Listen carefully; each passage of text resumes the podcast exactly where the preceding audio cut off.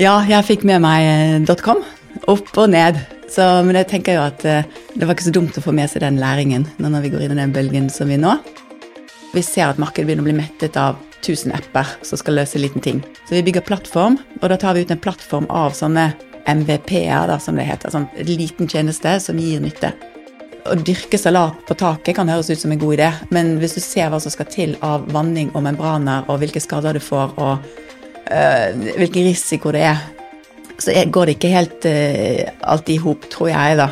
Proptech til frokost med Silje og Daniel. En podkast fra Estate Media og Proptech Norway. God morgen, Daniel. Å dra deg inn på kontoret før klokka åtte om morgenen eh, og en mandagsmorgen er jo så på kanten at jeg er nesten redd for at vi skal bli uvenner. Når måtte du stå opp i dag? Takk som, eh, takk som spør, Silje. Altså, jeg er egentlig ikke venner med så veldig mange på denne tiden av døgnet. Og i hvert fall ikke en mandag morgen. eh, Når jeg må liksom stå opp omtrent idet jeg legger meg.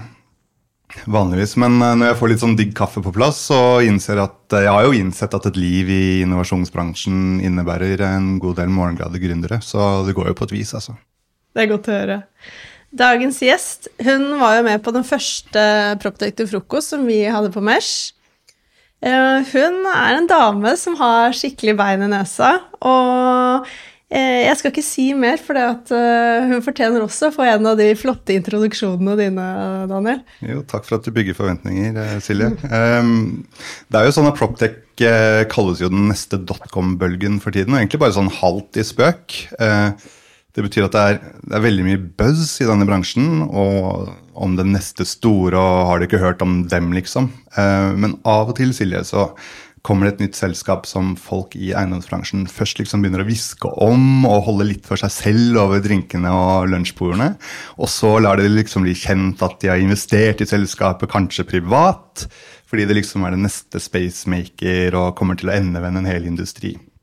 Og et slikt selskap er det Consigli er. Det er hjertebarnet til uh, Janne Aas Johansen, en dreven innovatør som har vært ute en gründernatt tidligere. Uh, og som lar det bli hørt uh, når kunder og investorer ikke leverer helt etter forventningene. Og Janne har fått med seg et bunnsolid team og en haug med profilerte investorer, og har halvannet år bare inn i eksistensen. landet en runde nå på nesten 20 millioner kroner. Og grunnen til det tror jeg er fordi at Consigli tar for seg en diger del av verdikjeden i eiendom som tidligere har vært litt sånn utenfor rekkevidde, nemlig den som tilhører den rådgivende ingeniøren. Altså denne liksom mytiske grå skikkelsen som passer på at sjakter og ledninger og tekniske installasjoner kommer liksom der de skal. Så det Consigli gjør, er at de bruker ulike teknologier innenfor kunstig intelligens og matematisk optimering for å skape bedre da, beslutningsgrunnlag for byggherrer og entreprenører. Og så jakter de rett og slett, sier de, på den store, store knappen som skal liksom prosjektere den optimale tekniske løsningen for byggeprosjektene. Og da liksom spare plass og materialer og ikke minst masse penger. Velkommen, eh, velkommen hit, Janne. Tusen takk for en introduksjon. God morgen til deg, Anne. Er du også et A-menneske, eller er du som Daniel? Jeg er skikkelig B-menneske. Selv etter tre barn er jeg skikkelig B-menneske, så dette her var tøft, eh, Silje. Det er godt at du kom, i hvert fall. Du er jo en tungvekter i bransjen, og så har du en veldig spennende bakgrunn. Kan ikke du fortelle litt om den, sånn at folk forstår litt mer av hvem du er og hvor du kommer fra? Jeg pleier å si at jeg er byggjente.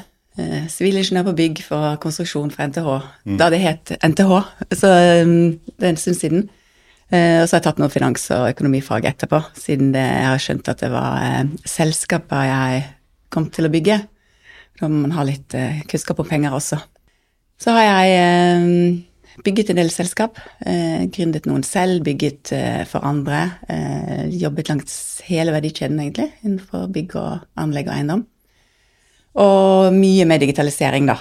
Så um, det var vel en av de tidligste som holdt på med BIM her i landet, og sånn, og så har det bare ballet på seg. Og så har vi nå etter hvert skjønt at uh, det kommer eh, tech-bølge, som noen andre uh, bransjer har tatt frem. Og nå prøver vi å ta de teknologiene inn i vår bransje. Da. Så vi er på hjemmebane i Consigli. vi har vært i bygg hele veien. Det er godt å høre. Men du har jo vært også med på denne dotcom-bølgen. Ja, jeg vet det. Jeg føler meg kjempegammel hver gang dere sier det. Men eh, ja, jeg fikk med meg .com. Opp og ned. Så, men jeg tenker jo at eh, det var ikke så dumt å få med seg den læringen nå når vi går inn i den bølgen som vi nå. Eh, så vi er nok ikke så hypet som veldig mange av de andre selskapene. Vi har det kanskje litt mindre gøy eh, her nå, men jeg tror jo at vi kanskje varer litt lengre, da. Så vi eh, sitter mer for oss selv og bare prøver å bygge god teknologi. Um, ikke så mye på den startup-scenen som enkelte andre selskaper, kanskje. Ja, jeg jobbet jo, jeg jobbet jo faktisk selv en stund i, i, Bloomberg, i Bloomberg News rett før den dotcom-bølgen sprakk. Uh, og skrev om hvordan man liksom fikk kastet penger etter seg bare man liksom hadde riktig domenenavn. Um, det var liksom ganske enkelt å hente penger, men mange som ikke liksom klarte å levere teknologien. Uh, dette med at Proptech er det nye dotcom, henviser jo liksom mest til investeringslysten, men, men, ser vi det liksom det samme skje i Proptech, tror du? Eh, hva tror du vil skille de som kommer til å lykkes, og de som ikke lykkes? Jeg tror det er stor forskjell i at uh, vi vet mer om teknologi, at uh, markedene er mer modne for digitalisering. Det er litt mer sånn bevissthet rundt omkring. Når vi holdt på, så var det jo eh, VAP og folk tenk, sa enda eh, at eh, nei, internett, det har vi ikke noe tro på. Eh, det kommer til å gå over. Så jeg tror at eh, vi blir jo tatt imot som noe etterlengtet mer. Det var ingen som lengtet etter internett under dotcom. Hva slags selskap var det du jobbet i da? Jeg jobbet i et selskap som het Ekomda. Mm. Og vi lagde da Facebook for bedrifter allerede da. Og vi hadde da Tekna, som da het NIF, eh, og Statoil som kunder. Og vi hadde alle ansatte hadde profiler, og det var chatroom, og det var, det var litt sånn Facebook for bedrifter. Um, men, men, ikke var markedet klart, og vi var nok for useriøse. Men vi hadde mye penger, da. Ja, hvordan var, det, hvordan var den tiden egentlig? Var det gøy? Eller? Det var kjempegøy. Og jeg lærte masse. Og jeg var relativt uh, nyutdannet og hadde ikke tatt så mye risiko selv. Så jeg uh, var med der at jobben min ble nedlagt da jeg var i første mammaperm. Uh, og hadde lært å bygge avdeling og legge ned avdeling og fått mye erfaring, da. Men det er jo synd at det forsvant jo mye kapital. Men jeg tror også den kunnskapen som kom under .com, det er litt mm. Mange fra den tiden er jo de som starter selskaper nå. Sånn mange av de som jeg ble kjent med på den tiden, er jo Vi henger jo fortsatt sammen og skaper teknologi. Så um, Så en dyr, men viktig lærepenge? Ja. Dyr, men viktig lærepenge. Med Life at Work fra VNI er alle byggtjenester samlet i én løsning. Med én og samme app for alt av adgangskontroll og parkering. Til booking av møterom eller matbestilling kan du som gårdeier ta grep om dine verdier og skape en enkel og sømløs hverdag for dine leietakere. Finn ut mer på veni.no. Og så har jo du startet da Consigli, eh, som dere kaller digitale selvprosjekterende ingeniører. Eh, hva innebærer det, og hva var liksom det behovet som du så? Nei, Vi satt jo da, og da Spacemaker kom med sine første slider, før de hadde begynt å lage noe teknologi, tror jeg, um, så var jeg på et frokostmøte og så hva de hadde tenkt å gjøre, og tenkte at det var, det var det kuleste jeg hadde sett i hele mitt liv. og akkurat da så hadde jeg tatt på meg å bygge opp eh, NIRAS eh, i Norge. NIRAS er tredje største rådgiver i Danmark, rådgivningsingeniør. Mm. Eh, så jeg var akkurat kommet i gang med det. Eh, men tenkte at oi, det de holder på med her for tidligfasearkitekter, eh, denne måten å jobbe på er jo perfekt for alle rådgivningsfagene. Og det er enda mer matematikk og fysikk og sånn å lene seg på i tillegg. Mm. Eh, og så er jo rådgivningsfagene fire ganger så store i omfang. Rådgivende ingeniør omsetter fire ganger så mye som eh, arkitekter, og nesten ingen vet hva de gjør. Så selv om har, alle kjenner Multiconsult og Norconsult og alle disse store rådgivningsselskapene, så tror jeg det er veldig få som vet hva de egentlig gjør på om dagen. Vi føler vel at de gjør alt. alt vi ikke forstår? Ja, ja, ja nettopp. Eh, så, så, jeg satt, eh, jeg, både jeg og mannen min satt på det frokostmøtet og bare Å, fy søren, dette må vi bare ta tak i. Og så brukte jeg litt tid da på å eh, oppsøke tech-industrien. Lære mest mulig. Sånn, hva finnes av teknologi, hvordan går det an å jobbe, hva er datadrevne koder egentlig? Og, og matche det litt med, med, kunnskap. Og så satt jeg jo og bygget opp da også et rådgivende ingeniørkontor her i, eh, i Norge. Så når det var blitt nesten 100 ansatte og stort nok til å kunne klare seg selv, så turte jeg å hoppe ut Og så har jeg jo startet tekstselskap før uten å ha mye kapital eh, tilgjengelig, og det var veldig tungt. Det var før det, var, før det fantes Proptech, og før det var kult at eh, damer gründet. Så jeg fikk ikke tak i kapital, så denne gangen så hadde jeg spart. Og det var egentlig litt bra, for um, jeg sa jo opp jobben i midten av januar 2020, og så kom det pandemi. Og da var det litt fint å, å ikke bli stresset over at jeg ikke skulle ut, eh, eller å måtte ut og hente kapital. Mm. Eh, verden lukket litt ned, men eh, det var helt fantastisk hvordan bransjen, eiendomsbransjen da, bare stilte opp og sparret på løsning og på muligheter. Og, så jeg kunne egentlig leie inn data scientister og få litt sånn rolig oppstart uten at det brant veldig mye penger. da, Og få planlagt eh, godt. Før verden begynte å slå seg litt til ro med at dette kom til å gå bra en dag. Og så bygget vi fra der. Men det tok jo lang tid før jeg kunne ansette folk, da, for jeg kunne ikke holde jobbintervjuer. og starte et selskap med folk du ikke har møtt, og jeg var bare intervjuet på Teams, det gjorde jeg ikke. Da leide jeg heller inn konsulenter i starten. For hva var det dere skulle løse? Vi skulle rett og slett uh, løse den uh, prosessen med å prosjektere bygg. I dag så prosjekterer vi bygg veldig sånn uh, som i gamle dager, hvor det er ett og ett fag, og man møtes rundt et bord og viser hverandre og prøver å samhandle mennesker imellom. Det er utrolig komplekst. Masse krav, masse data. Eh, det er komplekst å få et forretningsbygg til å virke. Eh, og når du har det noe Jo flere kokker, jo mer søl. Det begynner å bli veldig mange kokker rundt det bordet eh, med masse forskjellige fag. Bare elektro er fem forskjellige disipliner nå. Og det at alt det der skal fungere fint sammen, det har jeg egentlig mistet litt troen på at vi får til med dagens prosess. Så jeg tenkte at når det er superkomplekst, store mengder data, så er det jo det datamaskinene er gode på å løse. Så vi ser eh, hva er det innenfor det å skulle prosjektere et godt bygg datamaskinene kan ta frem. Hvor langt kan de gi oss en innsikt før ingeniørene går inn og gjør resten? Men hvor langt unna er dere ferdig produkt nå? Eller kanskje dere aldri blir ferdig, men uh vi har jo fått den første tjenesten i markedet. da. Dere har det? Ja. ja. Eh, og den er jo ikke en sånn knapp som du trykker på, og så blir det prosjektert et bygg som bruker mindre materialer og mindre energi når det er ferdig. Og, men det sånn. kommer? Det kommer. Mm. Eh, men vi har begynt da med bit for bit, teknologibit for teknologibit. Eh, og det er jo derfor vi kaller det selvprosjekterende ingeniører. Litt etter folk vet at i bilen så har du fått teknologibit for teknologibit som har hjulpet deg å kjøre. Sant? mens du selv kjører, og så får du litt hjelp på veien. Og så etter hvert så har bilindustrien bøndlet disse teknologiene sånn at bil klarer å kjøre selv, og kjører kanskje like godt som mennesker, og noen biler kjører bedre enn enkelte mennesker. Så vi har begynt å lage de teknologibitene. Vi har sett hvor finnes det data, hvor finnes data av en kvalitet som vi kan bruke, hvor finnes det teknologi som andre bransjer har tatt frem, og hvor ligger det stor verdi i å bøndle da disse dataene av den kvaliteten de har, og teknologi som finnes, for å komme med tjenester som gir nytte tidlig. Så slipper vi at det blir et sånt stort dataprosjekt. Hva er den første tjenesten som eh, er klar nå, da?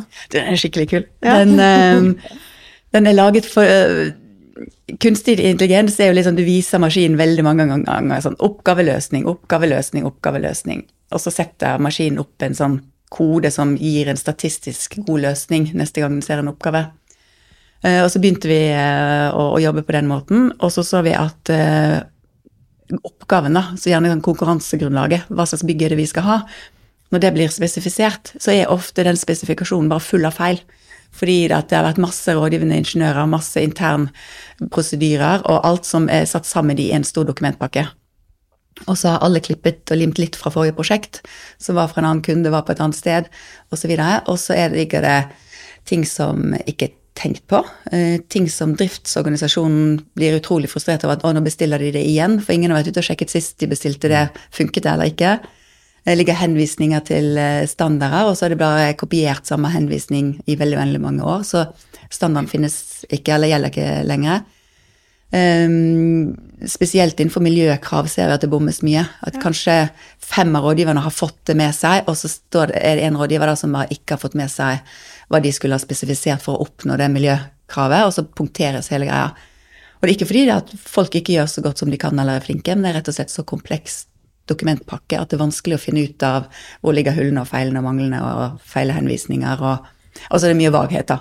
Det er sånn alle skal gjøre så godt som de kan. Uh, eller det skal tilstrebes at Eller vi også Ja, og når vi kommer da i uh, rettssak i etterkant, så holder det veldig dårlig at konkurransegrunnlaget, dvs. Si kontrakten, er vag. Mm.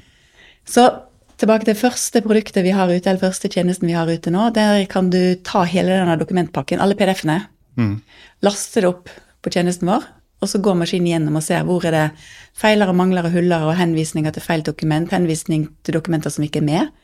Og så kan du få tatt en kvalitetssikring av det før det sendes ut for prising til entreprenør. Så vi prøver å luke ut en del feil, ta vekk risiko tidlig, sånn at eh, det ikke blir så mye rettssak etterpå, men også fordi at det blir mye lettere for entreprenøren å prise det når det er et godt underlag.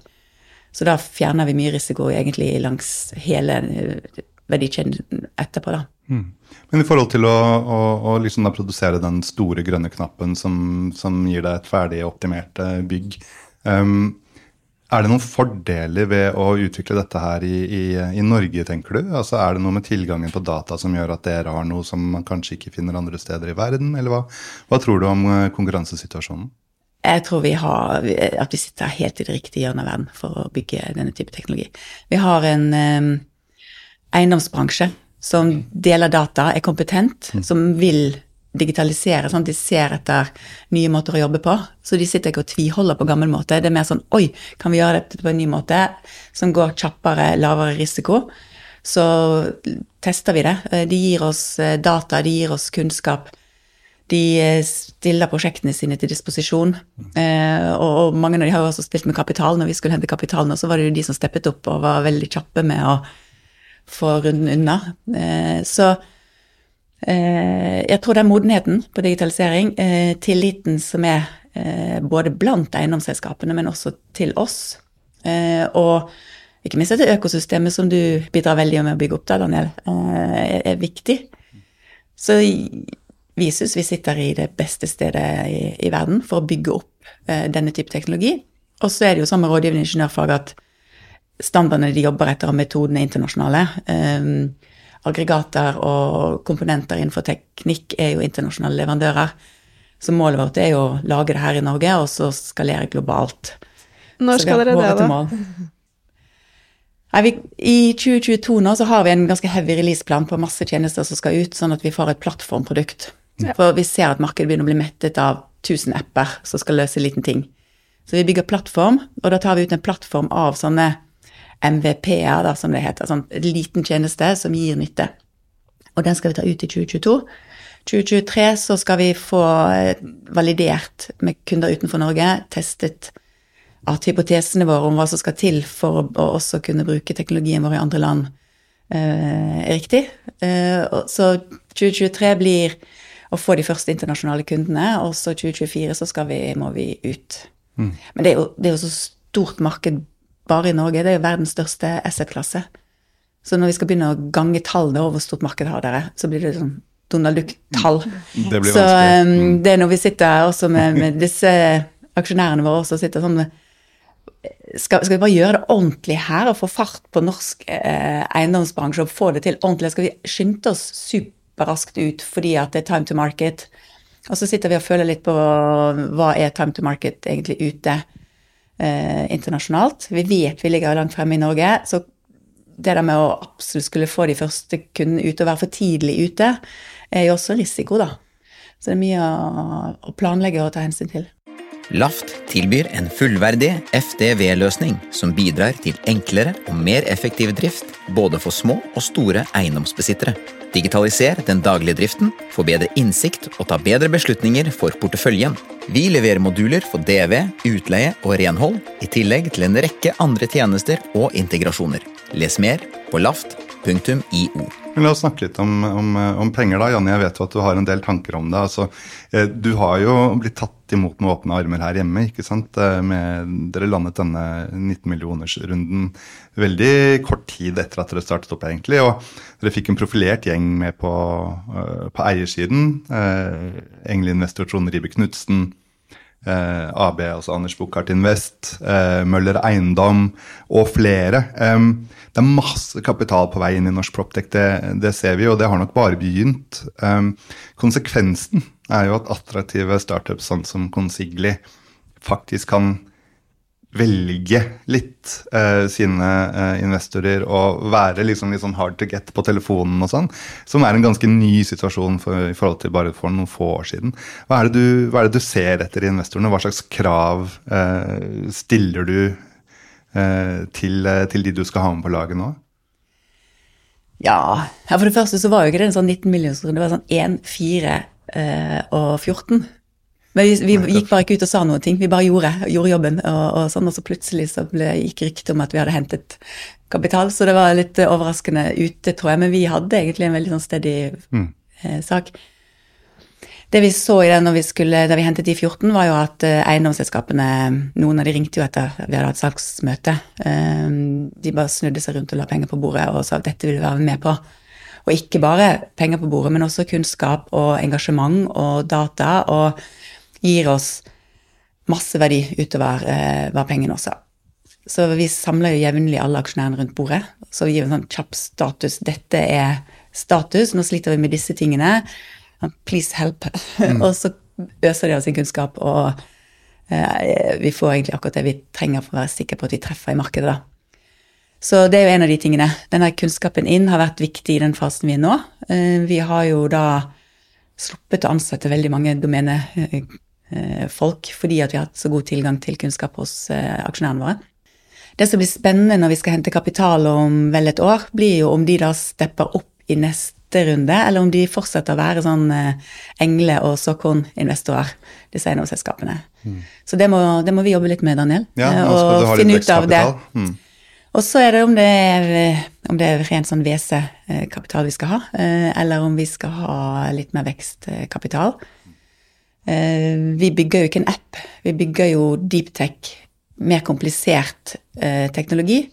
Og det er jo litt vanskelig for noen av disse WC-ene å forstå eh, hva vi holder på med, tror jeg. Mens de som driver med vekstkapital og de litt mer industrielle gamle investorene, eh, liker jo mer kompleksitet og, og, soliditet og sette seg inn i det. Så vi vet ikke helt. Jeg vet i hvert fall at jeg skal ikke ha investorer som skal få oss til å redusere alt til å bli en app hele tiden og bygge enkelt. For vi skal bygge noe som er solid og som er stort, og det må investorene vite at det er det vi er inne for å gjøre. Og så skal vi jo tjene penger på veien. Det er ikke det at vi skal bare sitte og bygge og bygge teknologi. Men eh, Consigle blir aldri en sånn liten app for consumer. Sånn at jo, jeg eier jo en leilighet, så jeg forstår alt innen eiendom. For det er litt den holdningen vi møter. Jeg er litt frekk igjen, ja. Um, hos en del av de som har fått kapital av noen andre skal forvalte og investere sånn, uh, i vekstselskaper, disse typiske WC-ene. De må steppe opp og lære seg litt mer hvis de skal være med på å, støtte de litt tyngre selskapene da, som bygger noe litt mer komplisert enn en app.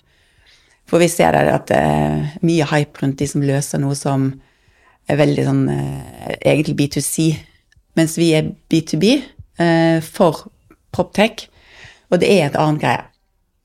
Det var ikke noe godt svar på spørsmålet ditt. Vi vet ikke helt hva slags kapital vi skal hente neste gang, så vi jobber mye med det og rundt og snakker med folk. Men jeg har jo tenkt at vi må validere med amerikanske kunder, for vi skal ha amerikansk kapital. Og så hadde jeg middag nå forrige uke med en venninne av meg som akkurat gikk fra Euronex Grow til eh, hovedlisten ja, for akkurat en uke siden.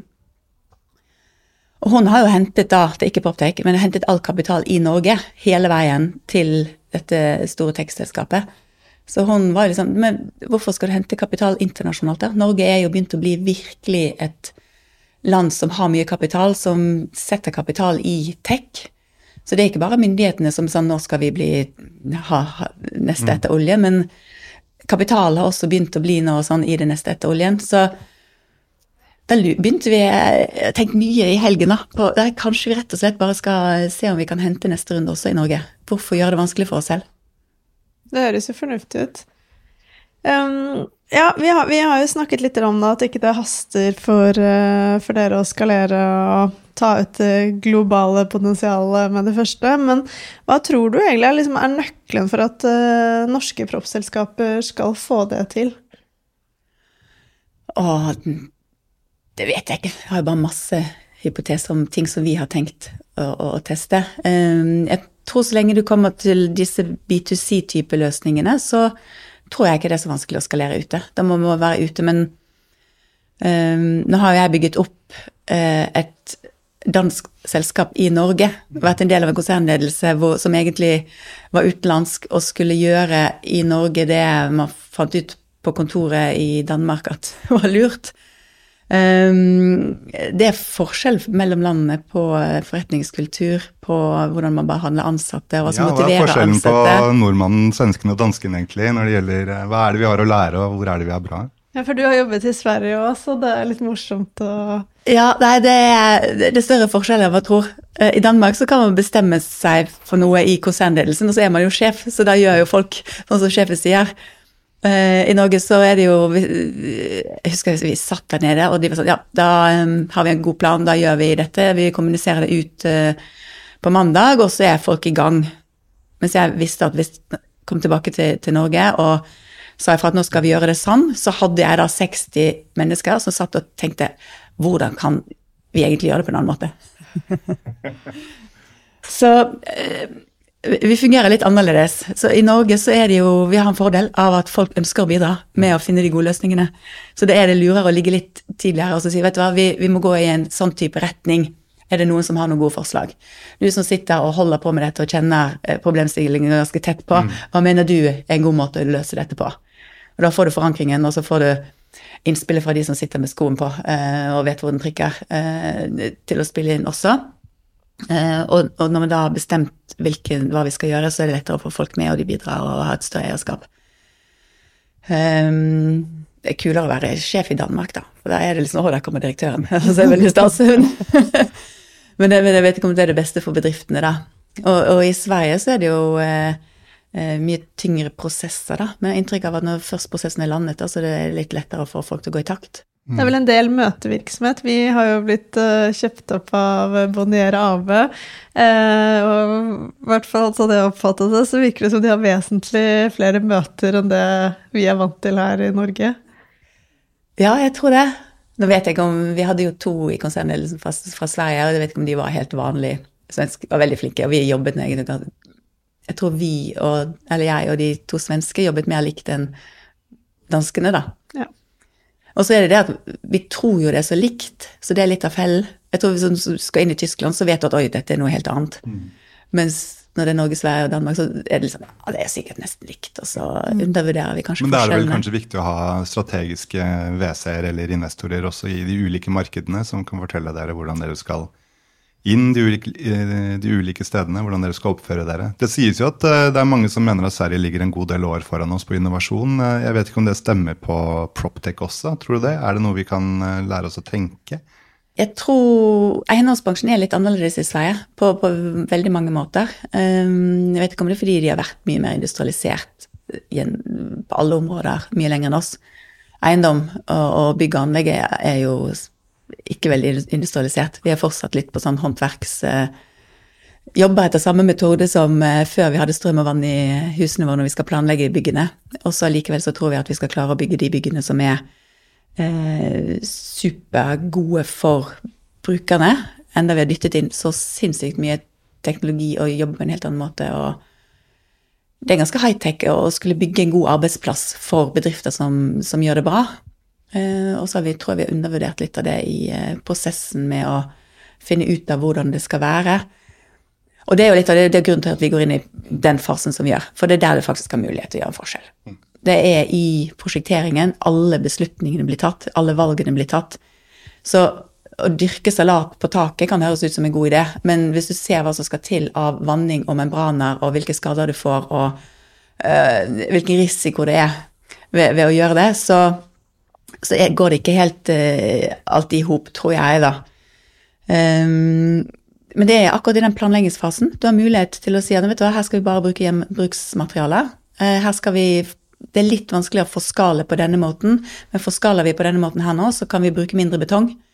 Um, sånn at det er her vi skal inn de og de og de uh, systemene, for de jobber godt sammen. De står ikke og slår hverandre i hjel og bruker for mye energi. Sånn, alle disse valgene som tas, tas i den fasen. Og så kan du gå i etterkant og, og energioptimere på et bygg og skru og si at driftsavdelingen er for dårlig, men eh, i mange tilfeller så er det rett og slett at planleggingen har vært for dårlig til å få et bygg som presterer godt. Og der, og der eh, er det vi skal inn og gjøre den store forskjellen. Møller Eiendom er tett på utviklingen av nye teknologiløsninger som forbedrer måten vi kjøper, utvikler og forvalter eiendom. Leverandørsiden er viktig driver for utvikling av bransjen og kundene våre. Er jo, du er jo en dame med voldsom driv, og du har jo startet mange selskaper. Men jeg syns jo det er eh, ekstra kult at du har blitt gründer igjen i voksen alder. Hørtes hørtes jeg veldig gammel ut? Nei, du er ikke gammel. Du er ikke gammel.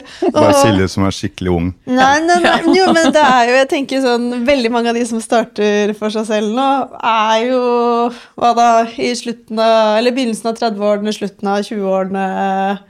For de som ikke ser Anne, så er hun en utrolig flott, eh, vakker, smart dame her. Jeg synes jo det er veldig kult, for du er jo ikke en sånn typisk eh, gründer i proptech-miljøet nå. Det vil jeg jo ikke si. Det er noen av oss, da. Jo, jo, og så er det noe med at vi, vi gjorde det også da vi var Ja, unge. mm. Eh, Jeg tror at eh, det er noe med at vi har bare ikke sluttet å gjøre det. Det ikke vi har begynt Mm. å gjøre det nå. Men vi gjorde det også da vi var unge, og så har vi gjort det hele veien. Og så eh, jeg må si at det er litt deilig å vite alt vi slipper å gjøre. Det vet jo ikke de unge som Nei. holder på. Sånn, de kaver rundt, og så noen sier 'Å, nå må du ha fin hjemmeside', det er superviktig. Og vi fikk jo så mye tid. Vi fikk til og med klagemail. Det? Ja, og noen som har vært på hjemmesiden og bare hadde, hadde hørt om um, Consigli og vært inne og sett på hjemmesiden, og den var ikke fin, og den var skikkelig dårlig, og vi hadde masse skrivefeil.